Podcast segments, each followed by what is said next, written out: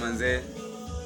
It's the 11th episode of the Safe House podcast, and we appreciate each and every one of you for listening in to the rest of the podcast. Hizo zingine zenye tumekuwa tukirecord manze. We've recorded 10 podcasts successfully manze, na zote ziko online, si tuwezi zipata. Uh, so long as you've listened to this one, you'll uh, most definitely love it yeah so podcast zetu zinapatikana spotify google podcast uh, anchor uh, tuko youtube tuko instagram we are everywhere. Yani ukitusaka popote kwote kwote unatupata online yeah. So thanks for tuning in. Today's topic is very interesting manze. But before we get into that my name is lirikali and uh, i'm glad to be hosting this podcast today yeah and i hope we have fun.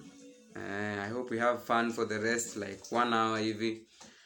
Tukiongelea hii topic yenye ni crucial sana manze kuna venye watu watu some people get okay relationships are an essential part of human living. But getting into a relationship for the wrong reason manze could be the downfall of everything so kizungu ni mingi nayo lakini najua mmeelewa najua mmeelewa so tunataka tuongelee vile watu hutumiana. When you get into a relationship with someone watu hutumiana aje? Economically it could be it could be hata kwa workplace uh, relationships intimate relationships friendships each and everywhere. But today i'd really love to talk about this in the context of relationships so before we get before we dive into the topic i would like everyone in the podcast to introduce themselves yeah from my left Sing in the left. Vincent, Vin in short, glad to be here. Ricky, Mr. Select, and I'm back. back. Oh, yeah, oya, watu wangu.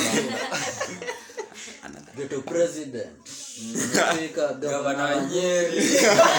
Uh, Mheshimiwa. ingine? kuna deda kuna ian zote zote ni zangu imeambua leo hiyo- topic ni ya muhimu sana lazima tusikizie i hope mtaenjoy uh, hapa ni Max silvester uh, manzee ni fiti kukuwa na nyinyi tena chairman himself chairman himself mwenyekiti. Mana baldman. Mana baldman. Uzuri kipara imepotea kidogo. Mm. so uh, man leo tunaongelea about vile wasi wanachukulia na advantage hapa nje. But uh, kuintroduce tu tuseme tu, tunataka kufocus majorly not purely majorly on intimate relationships. Sababu i believe pia kuna time umekata hivi ukaambia mzazi meenda botanical garden na tumethao alafu hiyo ni kumtumia the end of the day yeah, kumtumia yeah, lakini hivyo sasa tunaenda tukisonga hivyo yeah. stay tuned mimi naitwa nempiris but nite dede I'm new here. the only lady in the house yeah, yeah. Must be nice. Oh, wadau this is morgan again episode ngapi kwanza kumi Episode This is the 10. 11th. Ama, Wow. eh, bana tunakaribia kumalizia season. Tunamalizia eh, hii season inaisha tu kiasi. Eh, man. tufike episode 420. Hiyo lazima. So welcome to the podcast maze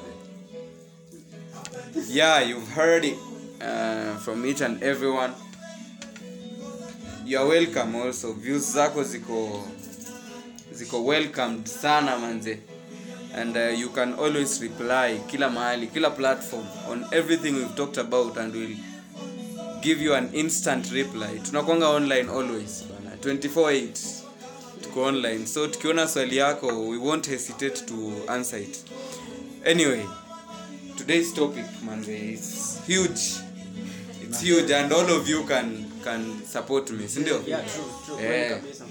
yeah so relationships manze relationships. Relationships. Whether intimate whether ni ile relationship na madha yako vile mak amesema. Uh, there are some guys who take relationships for granted by the way. Hey, like romantic relationships. And uh, on this topic staki tulemeane manze. We- you know we have one lady here so msim It's not a debate. msimuingilie bana msimuingilie. Do not kill her do not kill the young lady. Manze isi isi isi anyway podcast ya leo tunaongelea vile especially intimate relationships. Though your relationship with with your mom is intimate too right? Yeah true. Eh. So let me say close relationship right? Yeah uh, we, we tend to meet people friends family even new family members we've never seen. But it reaches a point eh, at a neighbors but it reaches a point where you feel like someone is taking advantage of you. Sijui kama si sote tuko na experience hapa.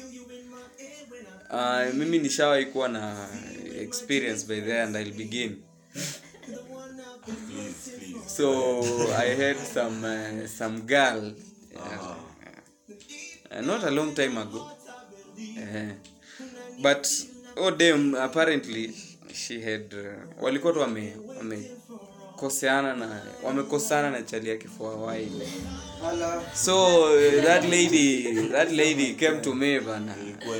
Ilikuwa i was also chasing i was also chasing. So siku moja si ikajipa ikajipa manze so the first day i thought it was uh, ay, forever forever. Till death do us part. Uh,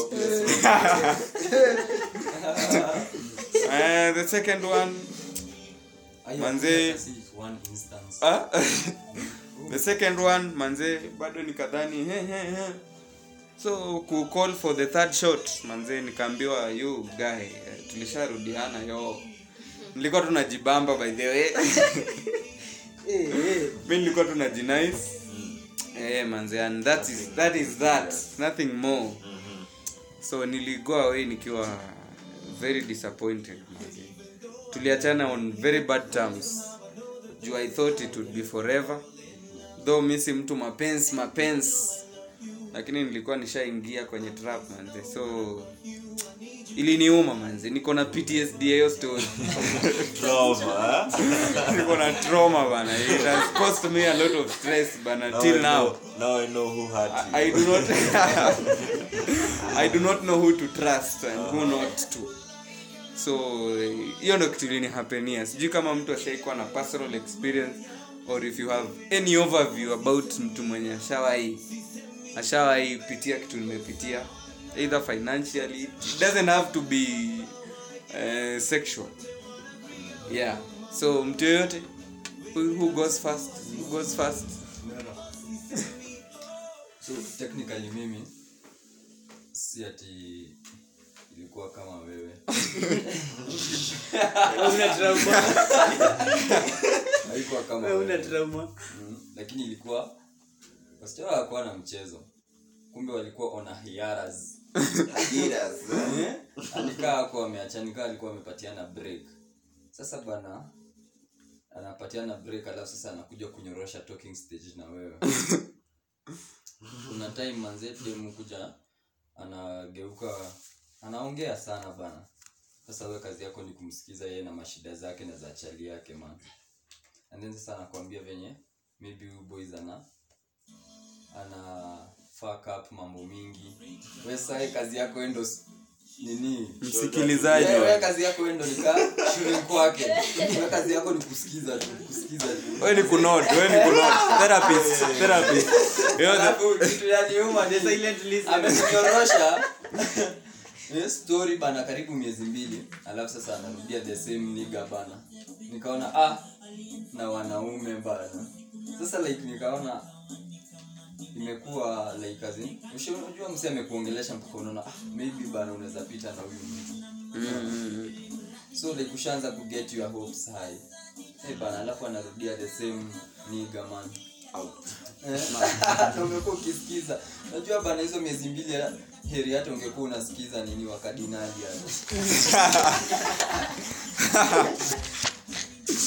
yeah, because you get msee hopes zake high unaona?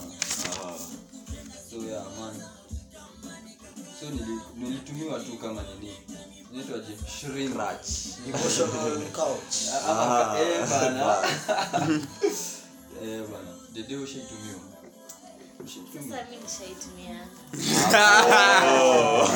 Good good. Nice. Nice. Ah, so nilikuwa nimepigwa character development K for character development. Na ule mbabezi Eh, eh, eh, eh, wow. Asa tumeenda mtaa, alikuwa msee wa Uguchu. Ah, mtaa umeboeka, alafu kuna kuna wale tu available emotionally. Eh, Alikuwa I think tu nafil vibaya juu alikuwa tu rebound tuseme. Nilimtumia tu for, for like a while. Nataka tu kuongea na yeye, nataka kwenda Hey, you are the you are the people I'm talking about. but it was for i don't know sometimes una feeling down you want to talk to someone and then you notice later on that you're not you didn't mean to like hurt them or use them but literally you're using them What happened happened. what happened happened kama unanisikia leo manze iza nataa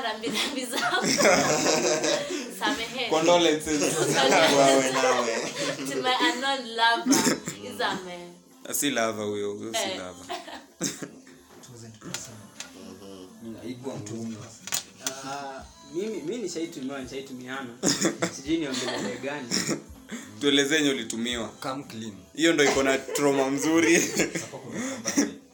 so ni nilikuwa na ubeste alikuwa mgaizi mwenye akihitaji kitu manzi afadhali akuja kutwe maaliko akubebe lakini ukishamsaidia kitu alikuwa anataka wewe taka uta- utalala ukitembea unatembea tu ukiendanga kwe- kwenye unaishi. Eh wewe hakuna story ati anajali hapo tena mpaka next time next time hivyo hivyo hivyo hivyo hivyo hivyo alafu bedhi jamani mjanja. Hata kama jamani mjanja. Akinotice ni kama unaanza kunotice anakubribe jamaa anakuja afadhali ya kuletea mkate ukule. Anunue Eh, lunch. ukikula na through the stomach the best way to get to a man's heart. Yeah, yeah, yeah. kupea kiroma by the time unabonga urealize by the ushatumiwa ushasolve kitu alikuwa anataka hivyo hivyo hivyo. Huyu jamaa. Eh. Lakini finally tulipata courage. Tushatoka tuko hapa hivi mahali penye tuko. Great.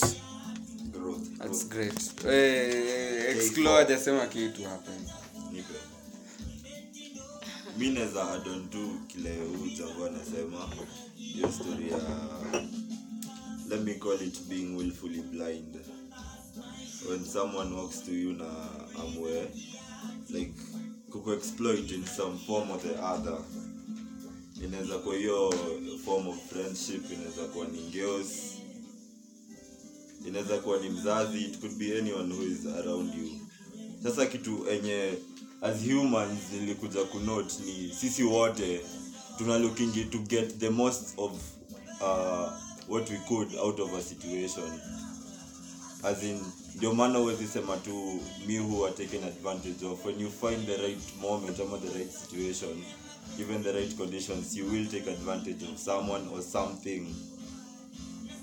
Yeah say that yeah thanks thanks thanks thanks manze we are, we are already deep in it manze saturdays saturdays are always for the Boys. them boys well, them boys. boys uh, we also huh? no slogan in the baki but Uh, uh, we don't mind having ladies over but saturdays are for men Okay. yeah that's the thing no doubt. But yeah we don't mind hosting ladies but it's for men. Uh, they are, it's for the boys. So mi niko na issue fulani hivi. In uh, relationships by the way. Uh, from vile mwalimu wangu wa psychology aliniambia uh, wa marriage psychology marriage and relationship psychology. Doctor, she told me she's some um, anaitwaje? Rose chumba so she's some lady mwenye eh, mwenye husema uh, the reason why people get into intimate relationships sexual relationships uh, men get there because of emotional they, wa- they want to be emotionally close to someone right? They want to be rewarded emotionally. While uh, ladies want to be secure. Secure. they want to feel secure. Financial. yeah. For the long term. Especially financial especially hapo hapo financial finance. Eh, so oh, so mi niko na concern moja manze. Kuna eh, wanaume some of us uh, boys we go for wamama uh, i don't know whether it has changed. We now we are now the ones who want to be a, uh, stable economically or secure economically. But the thing is is it that women just want to be secure? Ama is it that they are opportunists? Juu juu juu. My friend mi nikiwa nimesota hivi manze watu wengi mi ndo nita struggle kusumbuana atio mambo sijui eh, nikitaka date i must uh, simp like no one's business but the moment bank account yangu imeanza kusoma kitu mm. kitu mzuri confirm uh, I will always receive uh, many unread messages, mm. of which I don't believe I read them. but the thing is, but the thing is, judging from your situation yenye nimesema, like dem anaweza kukataa juu na do, but ukipata do ataku atarudi. Atarudi na atakutafuta. When in the beginning ni wewe ulikuwa unamtafuta. So is it that au ni opportunist ama wanataka tu ni security wanachase? Chase vitu naweza sema ni um, regarding my uh, encounters with women nimekuja kulearn one thing about them. Ni always engage in a relationship if it's not beneficial in some sense. Mm -hmm. unaona lazima hacha niseme ana extract some sort of value even though pia ana put in some mostly that sweet watery guts lakini as in as men vile nimesema ni a choice. Uamue kuona am I being am I being exploited for what I have? Ama hiyo power balance iko like equal. Mm. tunajua ni power ina shift always in a relationship. Sasa kuna time manzi ndio the, the, mm, na kuna time ndio bado una control things. So choose to see. Ukiona yenyewe hapa hivi umanzi ame overstep una mcall out. Na pia ukiona i could take this then well and good. Left.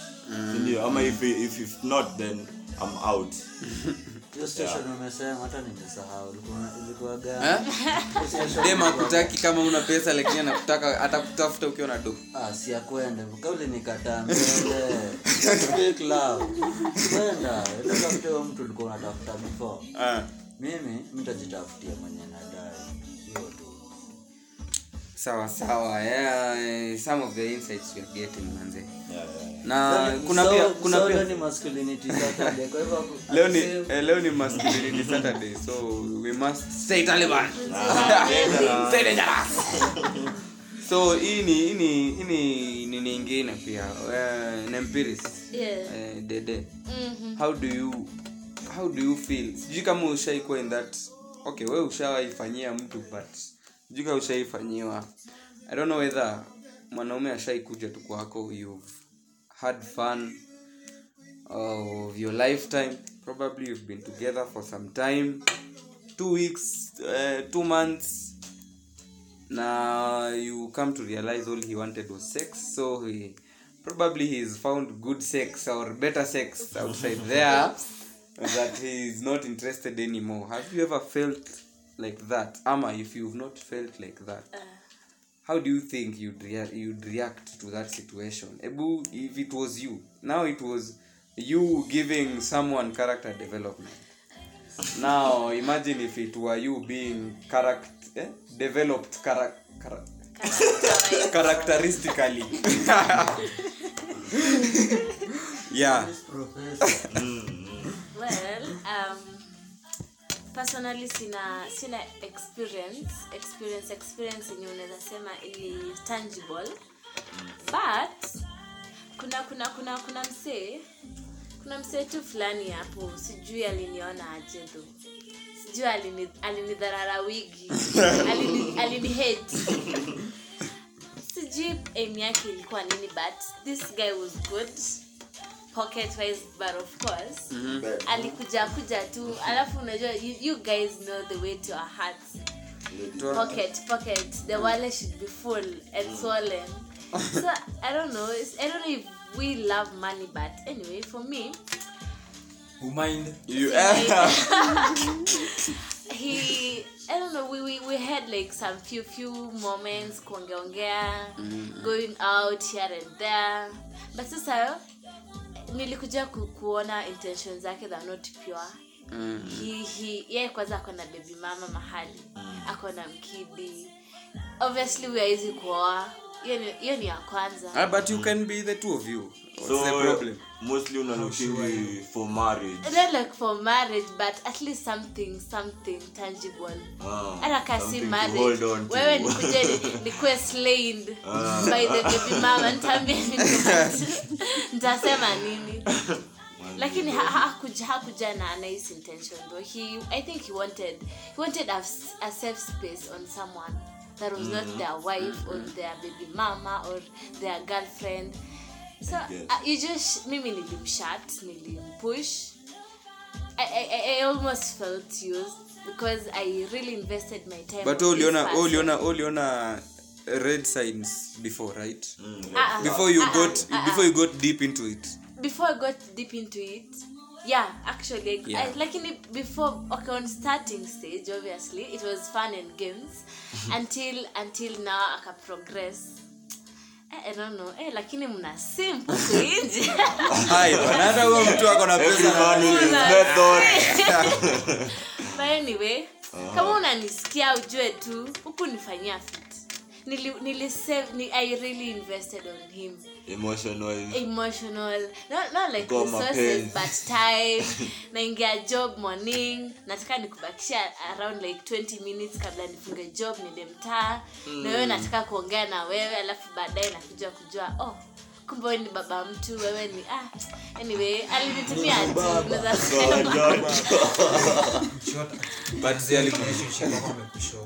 alikuwa labda hapo labda labda labda amechocha. Ni atitwali akukwambia aliomit. Hata alishindwa tanzaji we are very sorry for you but that was karma doing its uh, that was karma doing its part. Anyway manze hizi vitu happen sana manze. Na especially boy children tunatum, tunatumiwa sana. Squeezy, siku hizi siku hizi boy children tunatumiwa sana. Have you ever imagined by the way unajua brainwashing ni real. Like kubrainwashiwa. Hata achana na relationship. Do you know hata friendship hata friendship tu mtu anaweza kubrainwash. If you are in a if you are for example in a better position mtu anaweza ku ujawai feel ni kama for example umeomoka? Uh, okay that's an example. It's an example. It's an example. na au ni pesa tujashika ni uh, but tuko kwa akili. mindset ilishaomoka. So- na mita kwa eh, eh, niko na mita kwa akili. Eh, so ushai ushaipata mtu amedefraud mwenzake hadi amesota lakini yeye ame ushaisikia story kaa hiyo? Actually hata politicians hata politicians ni opportunists at their best.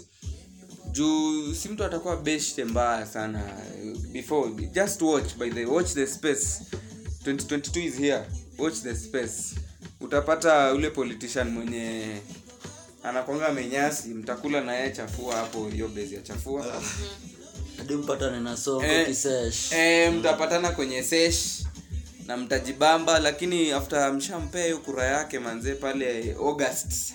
Ashaanaunsiwa Ah, hivyo hivyo ndo utakuwa tu ukimwona ig bana hivyo ndo utakuwa ukimwona tu ig so eh, IG ama twitter? Eh, so I- hata twitter si ig na facebook. Eh, so brainwashing.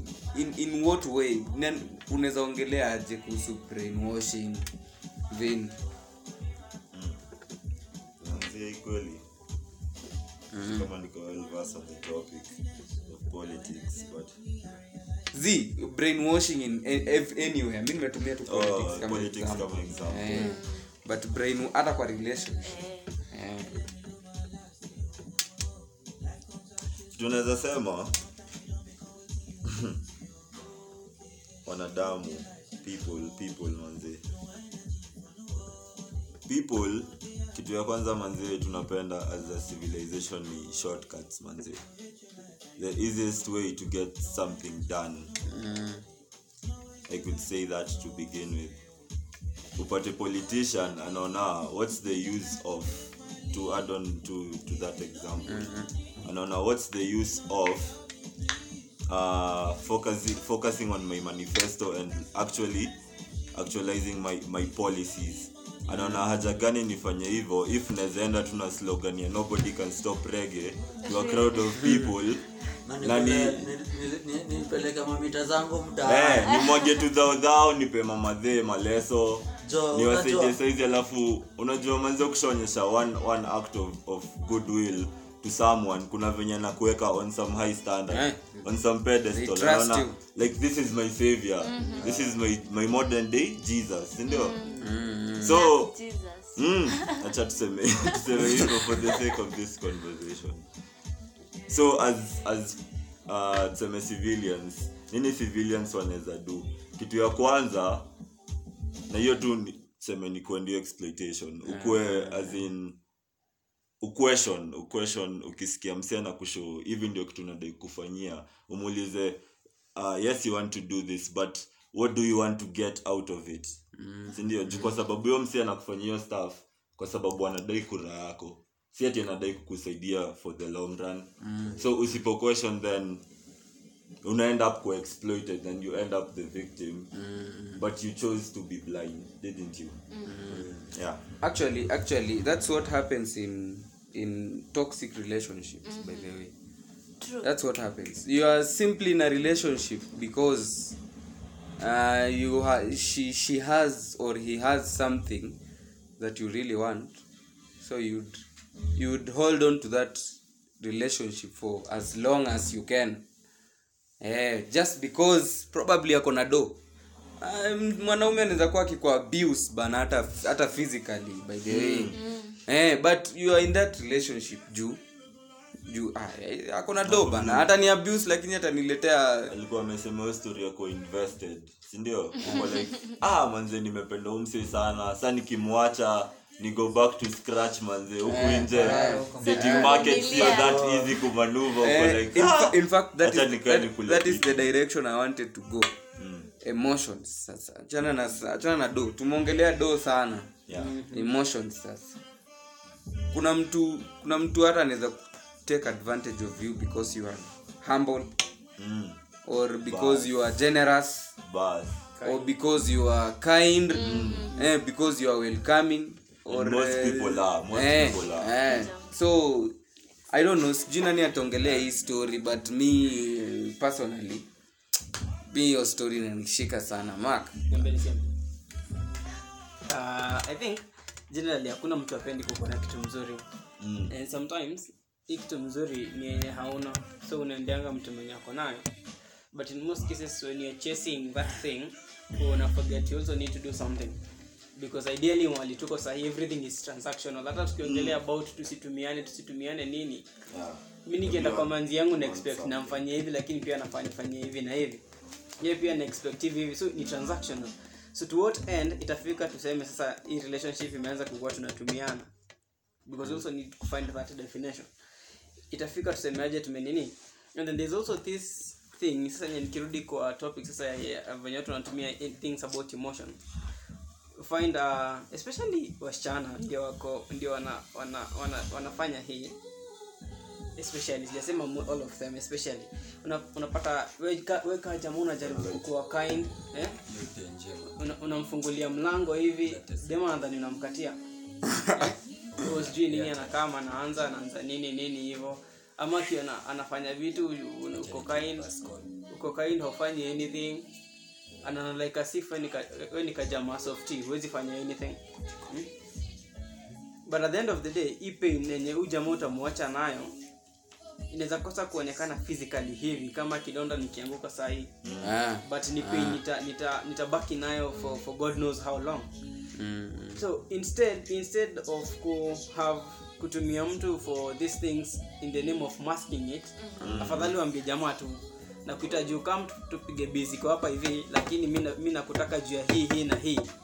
So mi ni kama nitasema yes nasema yes nikijua inaenda hivi. Nikisema z najua ni z na sitaki sitakuwa hapo kwa hivyo hatutatumiana. Yeah. lakini if hatuwezi ifika place tuna ati tunaambiana ukweli venye vitu ziko hizi vitu watu wanaumia. Because unaona hata tuseme ni pesa. Ukinitumia pesa zangu time zitaisha one tabaki na vitu mbili. Pesa imeisha na ulikuwa unanichukulia advantage of this one. so ninaumia You've lost two things. You've lost two things. hata go. Time na do. Unaona time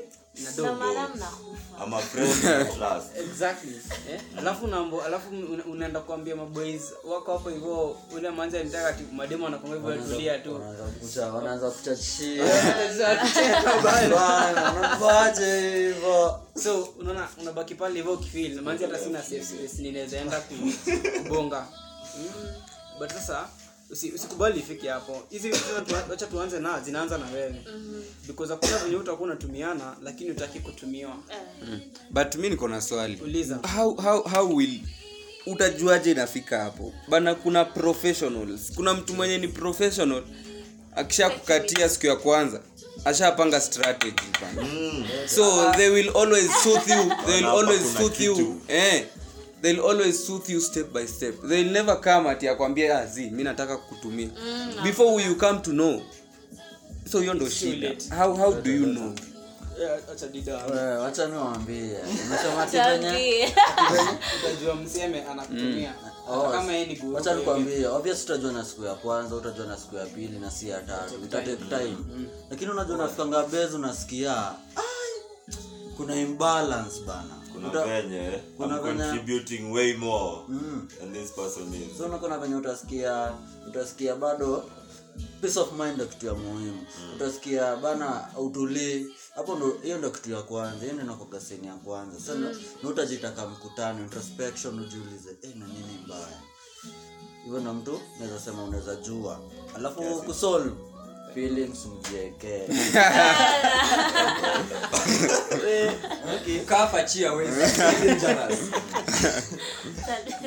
unasema hiyo riba ya uh, ujwangi at first. Huwezi jua siku ya kwanza. Mm. inakwanga tu realization tudogo tudogo Eh, ukishia ah, a ukisha- chain of events. ukisha nini ukisha ukishaanza kunote ndio unakuja unaanza ku ku look back. Mm, unaiona eh, in retrospect, eh, so unaanza unaanza kuona now i see what the fuck was going on. Really focusing.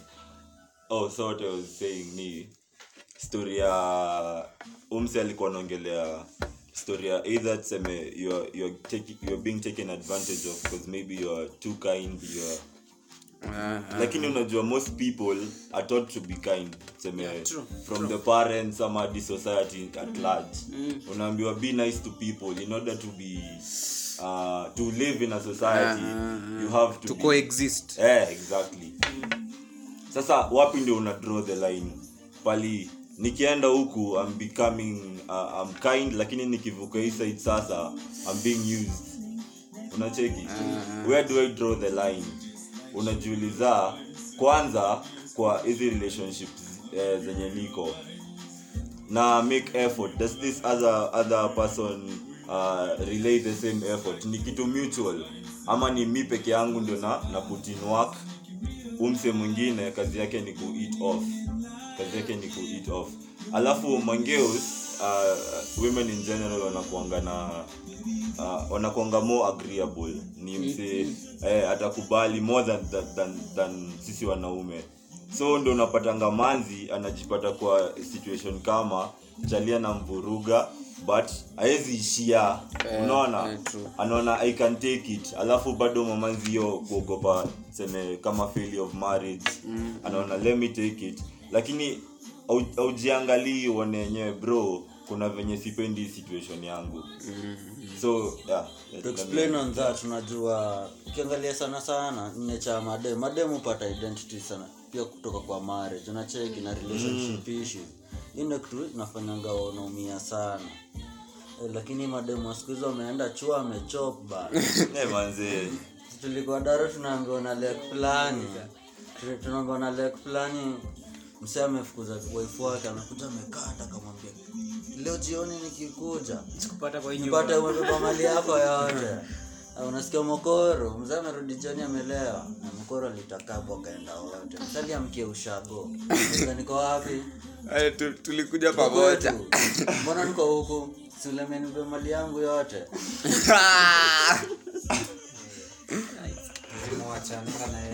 Bwana so hiyo story ya kindness. Me think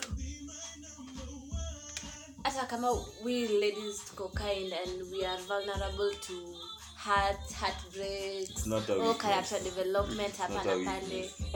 it's a weakness it, it could be a weakness mm. but I, I would just add hapo madem hapa mnanisikia ladies jipende men jipende. Yeah. usiingie ati kwa toxic relationship kwa sababu you gain sijui money sijui love and the Your same same guy anakuabuse me i just say walk out walk out kwani hu- hu- huonangi news ama usikizangi news?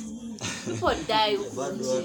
Eh, watu hukufa sindo so i would just adulate kama kama u- uko kwa hiyo relationship ati because you want to gain something na it's so toxic uh -uh, uh -uh.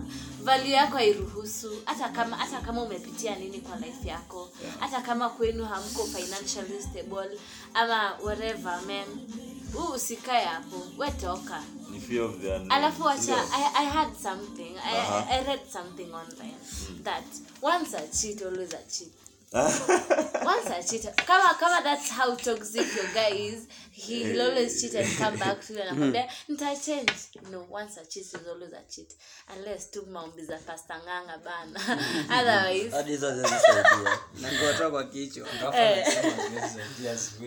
lakini mi tuna mi i just ask you usikuwe kwa relationship ati kwa sababu una gain ati una gain uh, una gain sijui money ama security but that guy is abusing you ama is not doing what you really love uko tu hapo because mm -hmm. of something walk out ni ile as in unaona as much kutumiwa as much as Eh. unaona utawin out of kutoka uko mm. like and what will i lose what will you Unacheki? lose yeah sasa hiyo ndio kitu ina you weigh gaining? msee down si ndio uko like heri nitulie ni pime pime rada maybe ata change maybe ata change. Na utaishi kuimba hivyo for like eternity. Haifai I've just nimekuja tu ku, kunote kitu moja pia about ladies manze. Uh, especially when you get into that relationship that you think uh, kuna do that security that you want you are do na una feel ni kama hata either way even if it's not working working well to your advantage mm-hmm. but just simply because this guy has uh, cash ama kitu kama hiyo kuna mademadi husema menzemi nikiingia kwa hiyo relationship ni mimba tunaenda kupata hiyo ni kutumiwa ama? ni goal pia. Hiyo ni kutumiana. cute kids. No unajua pia ni kutumiana juu. Pesa ndo itawaosha au kids ama? Eh, unaona? Umanzi anakujia watoi na sema anakujia watoi alafu ukimpatia bola akishindwa kulea anakukaa. ana- anakukaa. Alafu na wewe huko Child watoi tuanzie hapo huko naanzia watoi alafu anakuja child support. Hii hii pia ni kutumiana. Kwa nataka watoi cute ambie jamaa nataka watoi cute muonekanie mbele ya lawyer watu tunapata lakini contract, pesa zikupatii hii do hakuna. All hiyo mambo ya manzi umeingia kwa marriage. Mtu anajua ukiingia kwa marriage uh, it's, it's okay especially officially when you're officially married Wedded. you know what i mean a certificate yeah. right like dem anaweza ingia into that marriage simply because she knows Akidivorce. when we divorce i'll get half half of those millions my nigga yeah newly newly in town. yeah so so so in disguise New career. it is just chasing the bag see security as we thought of it. Okay it's, it's security because ata feel secure bana. Kando ya madem madem wenzake mabeshte zake wakiona amevaa heels za pesa bana mbona asibost Why not? Not a king Eh, but- Eh, hata eh. eh, but the bad the, mi sina shida na mtu kupa- ku- ku look for security. But the bad thing about it is you manipulate someone so that you get that security. Sijasema ati madem sasa sijasema ati madem sasa mtafute wasenye amesota zi tafute umse ameumoka lakini usiende na goli ati eh, tukidivorce sijui nini. Manze it's, it's, hiyo Tula kitu ni chiki. disgusting. kwani ushai- ushaitumiwa hivyo? Si atafute huyu ama all the, all the same hata hacha nikwambie hata hata mwanaume Eh, hata mimi kwanza nikipata dem mwenye mi pia huo usema hivyo kwa akili yangu. Na sijui kama niko niko na nini.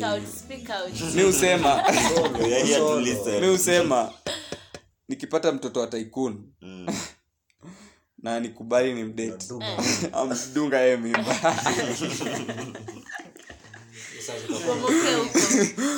niomokee huko. Manzi mlakini itakuwa- itakuwa mtoi wako. utaitana Eh, lakini si si si dem mwenye si dem mwenye ako 45 years old. Bora akwe tu Kwa guardian angel. Sasa asikue guardian anyway manze Eh, hiyo ni kutumia Sasa nasema in the end you have you have something in mind. Kuna kitu nataka kuachieve in mind. And it's not it's not for good as in kwao mtu mwingine ya kwako inaweza sound good but kwao mtu mwingine Mm. si mzuri. eh. fit. anyway manze mi nataka kurequest a break manze tukunywa hata maji. Please, uh, i'm sure we are dehydrated. so we want to take a break. Dj wetu manze sijui what you have for us we are taking a break and we'll be back manze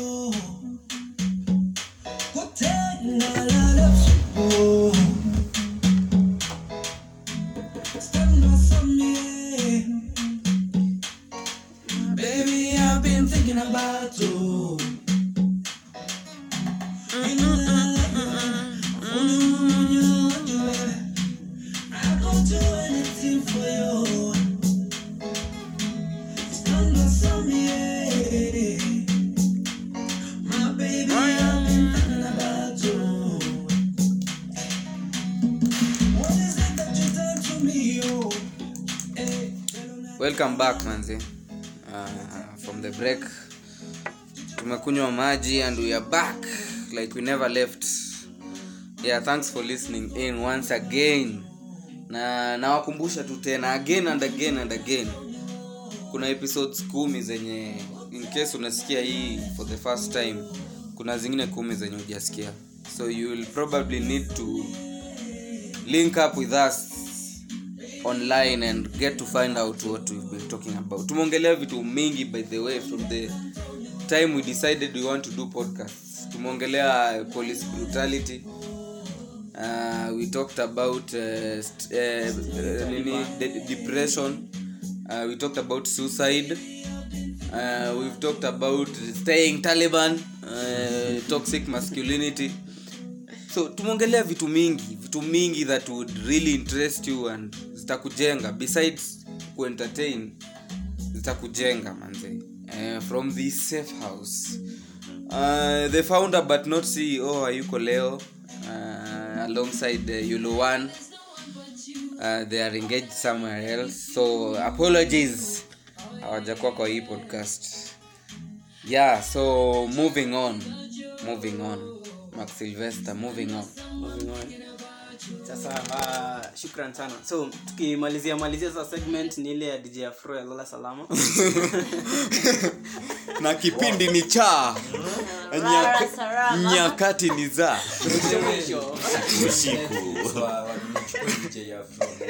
Manze. By then dj afro ako netflix. Niliona tweet moja ya netflix kenya kuhusu dj afro. Eh, ako netflix anaja. Kwa viti. naweza subscribe sasa. Finally something for you. Sawa. So tumalizia malizia. Tumeongelea about some ways zenye watu wanatumiana huku nje. Tukaongelea personal experiences. Tukimalizia malizia sasa CEO ameingia kwenye studio. Founder founder. Founder founder. Leo mimi ndo nimechelewa. Eh, bana studio sessions are meant to be you should be here before the session. Manze venye tu eh, chairman alitufanya akitoka sijui majuu lini. So anyway we have we have the founder but not ceo the safe house and he is uh, here to defend himself. Why he was late and uh, and to explain why the statement uh, better late than never is true. As long as it comes. Wahenga hawakukosa. Waliponena hakutupaka imperfect life coach hapo hivi. Na my apologies today sikuwa part of this amazing podcast but nilikuwa nimerepresent. Nilikuwa nimeenda kurepresent the safe house kwa semina fulani ya about financial literacy. Uh-huh. na nimegather knowledge a lot of knowledge from that i hope ukiwa tuned in next time maybe tutaongelea story ya finance. Nipate kupass some knowledge to you guys about financial engineering juu dream ya kutoka kwa block. Kuomoka in short. Eh, dream ni ya kutoka kwa block. The nonchalant. Semeni ni maorekini mimi yulu yulu one kwenye studio. Ah, mimi my deepest apologies. Hatuja make it kuwa leo. Kuba tumeenda kwa represent kwenye. So come next time. Tutawachapia one to one to about how to gather well. How to be well. How to be well. Pesa kwa akili. Hey, watu wameanza kutembea na chupa za maji huku jameni. Hey. faunda yawa hey. tumepewa tumepewa huko. Oh, ni ya kupea. Ama mme- so tunawatunawawelcome tunawa welcome tunawa welcome and uh, tunaenda kumalizia malizia. Yeah so mark you were saying? So i was saying as i was saying so niko nasema so for those of you wenye mmefeel betrayed like as if the relationship ili take a turn haiko inafaa kuturn uh, well it's okay. Sometimes these things happen na wizi zi control but you can control how you feel and how what kind of a person you will be. Unaona kwa wale wenye wamesema kuna trauma tumesikia hapa hivi tuko na safe spaces kama the safe house. Kana the safe house tuko kwa various socials unaweza tulink up huko alafu sisi wenyewe tutakutafuta tukufikie. Other than that kuna places unaweza link up na majamaa you know professional help. Red cross. Unaweza bonga na beste zako wenye unaaminia hivyo but all in all lazima ianze na wewe. Lazima ukwe mtu tumiani. Unajaribu tu. Imaanisha ati utatumiwa juu uko mzuri lakini at least inakupatia a platform. Inakupatia platform for change. Alafu una inspire mse mwingine mmoja ni ana inspire watu hivyo tukisonga.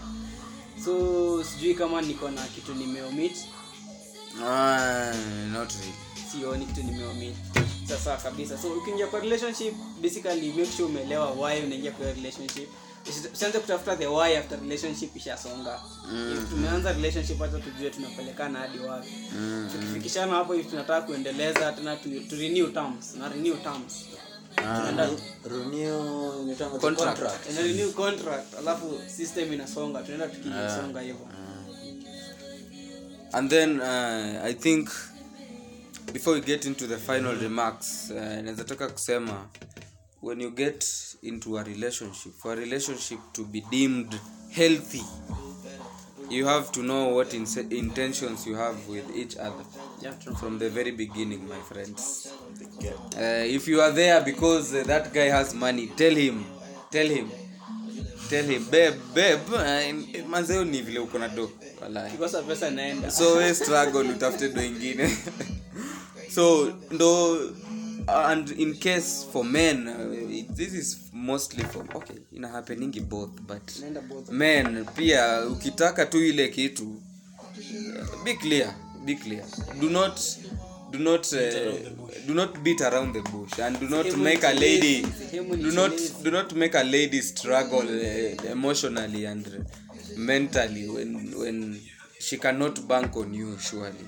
Unaona so kama ni ile kitu wewe ufanya itisha hiyo kitu bana mfanye hiyo kitu. And if you are there to make her happy too as in bora tu intentions ziko clear manze. Yeah so tunataka kuingia the final comment section tukifungafunga manze. Thanks for listening in vile nimewambia. From the very beginning manze sisi ndo wale the mind janitors aka ha? sisi ndo tunaitwa the mind janitors. Tunasafisha kusafisha. Ni usafi yeah. so as we get into the final sec- eh, comment section nataka useme final comments. Waambie wadau watakupata wapi kama wewe ni msanii ama kama we ni ni influencer.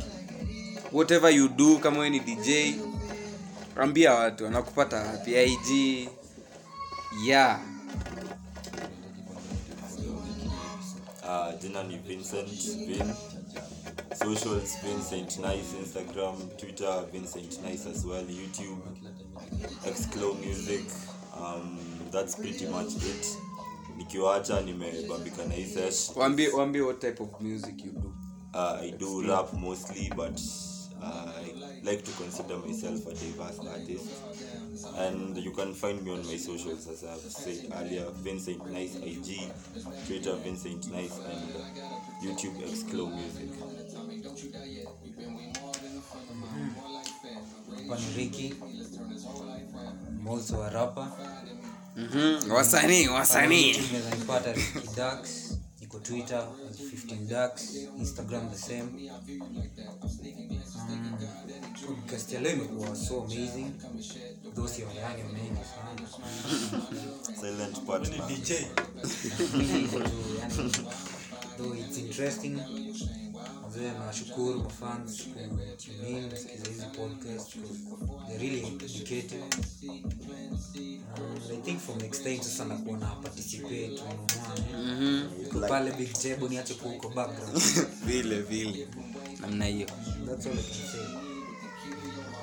Eh, watu wangu eh, tukimalizia pale tukifikanga shomwe mi kitu naweza wambia pale kama kama mse wa geto nanipata islando kama gavana utanipata 2027 na personal utanipata igs atmos nderito kweli hadi next time hapa. Uh, ni mark tena Uh, mimi basically utanipata twitter na facebook peke yake twitter ni keeper underscore sick Keeper? rate kabisa. Kipa secret hiyo ndio Oh. alafu facebook ni hivyo tu max silvester thindiu. Sijui niache namba ya simu. Si- si, ndachoma usiku. Wacha tuachie hapo. Drop it down. nachoma usiku. So tukimalizia kuhusu topic ya leo kuna time yes ganji ganji ni kila kitu. Lakini kuna time inafika mabesti zako ni wamaana kuliko hiyo ganji. Siwe mwenyewe tuwejichagulie kitu unataka. Hasl ni yako wewe unajiamini tu wewe mwenyewe till next time The only lady in the house. The only lady in the house. Yes.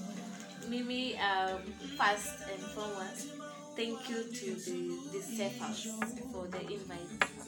Um, it's been a nice podcast meeting. I'm a, a recording.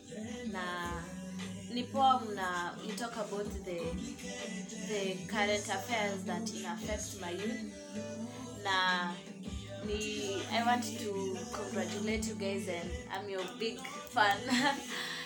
Mko na kazi fiti so um, mimi mtanipata instagram at just nempiris hivyo tu just underscore nempiris. Uh, facebook walichukua akaunti yangu so sina place pale. Twitter i think just name, this is nempiris at uko twitter and eh, madem madem pale nje naomba tu one thing. Avoid toxicity. It leads to death. Na it's, it's serious man it's serious. toxicity leads to death. Until next time a wallan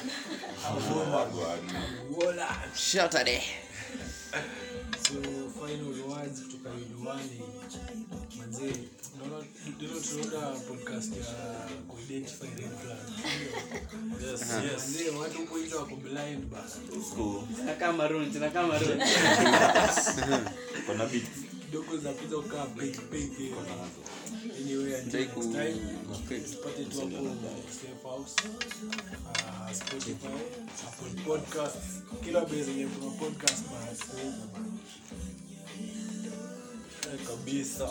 So about hii topic ya leo despite mimi kujua kutosikiza vitu zimesema but nitasikiza anyway.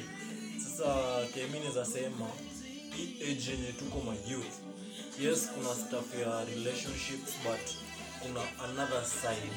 Unajua relationships na story hizo za eh, female male whatever sio the only thing zenye ziko.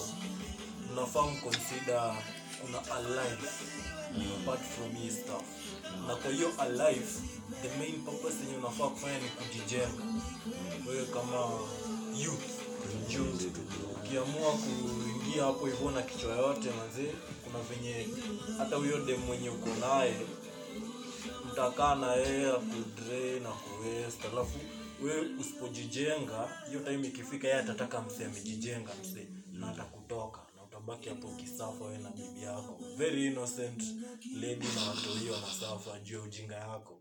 So apart from kujinaisi na relationship focus pia kujenga jina ni dilon tv pale instagram dylon underscore twy how long did you practice that?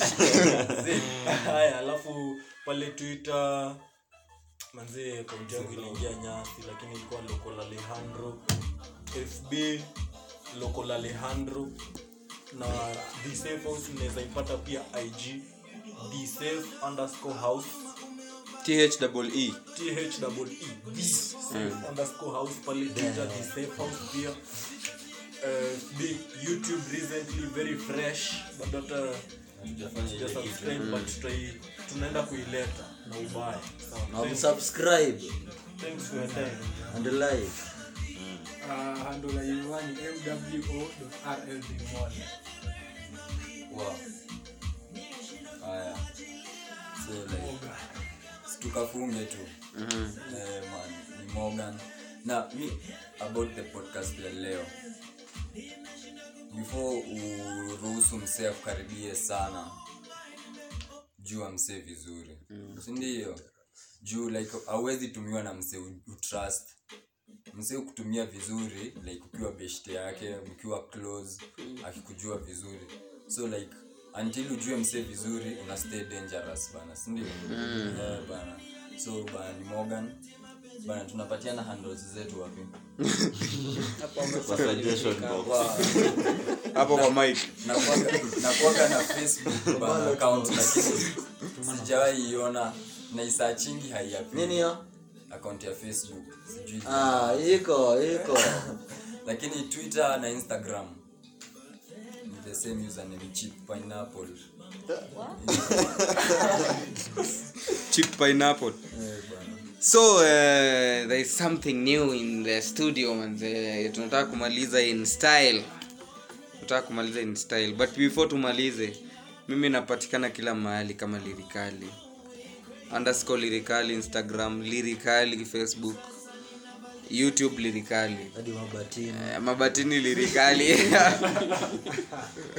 Everywhere. So leo tunataka kumaliza na a very uh, two of our, our visitors uh, ni spears spears spears. So tunataka tukuwe na ki, tunataka tukuwe na ki type Uh, lakini sasa yeah, wame so we, we'll just we'll just do. mental health tukianza kwa kwa togi sawa so they've said uh, wataifanya next week. Uh, this was so impromptu but anyway uh, msanii wa tatu ambaye ni mimi probably must do something. I must be able. I must be able. So uh, wekeni manze thanks for listening in uh, thanks for listening in. Bwana. And uh, na ushaiva kitenge hadi. kite labda nikioa. Najua mtu anaweza kushonea usikie. ana bibi anasomea Hello. eti mapenzi huwa simpo. Nani alinidanganya? Ainaga kilio maua ndiyo suluhisho. Na niongoze chokoleti. Hizi vitu hufanyangwa hivyo.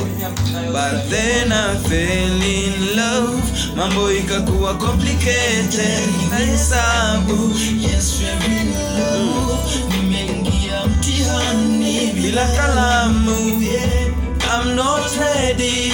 Pressure mingi mina dedi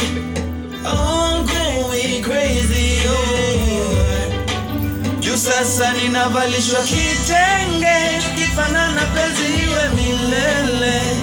Nyoarasa mzazi ya kupende hizi vitu zangu ni crazy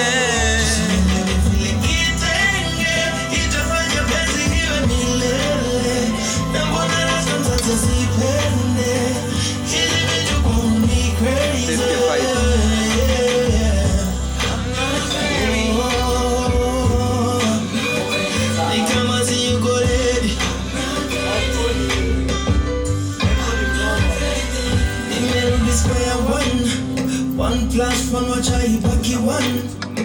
Msinifunze mimi nimeshalan. Napambana na hali yangu kama Saddam.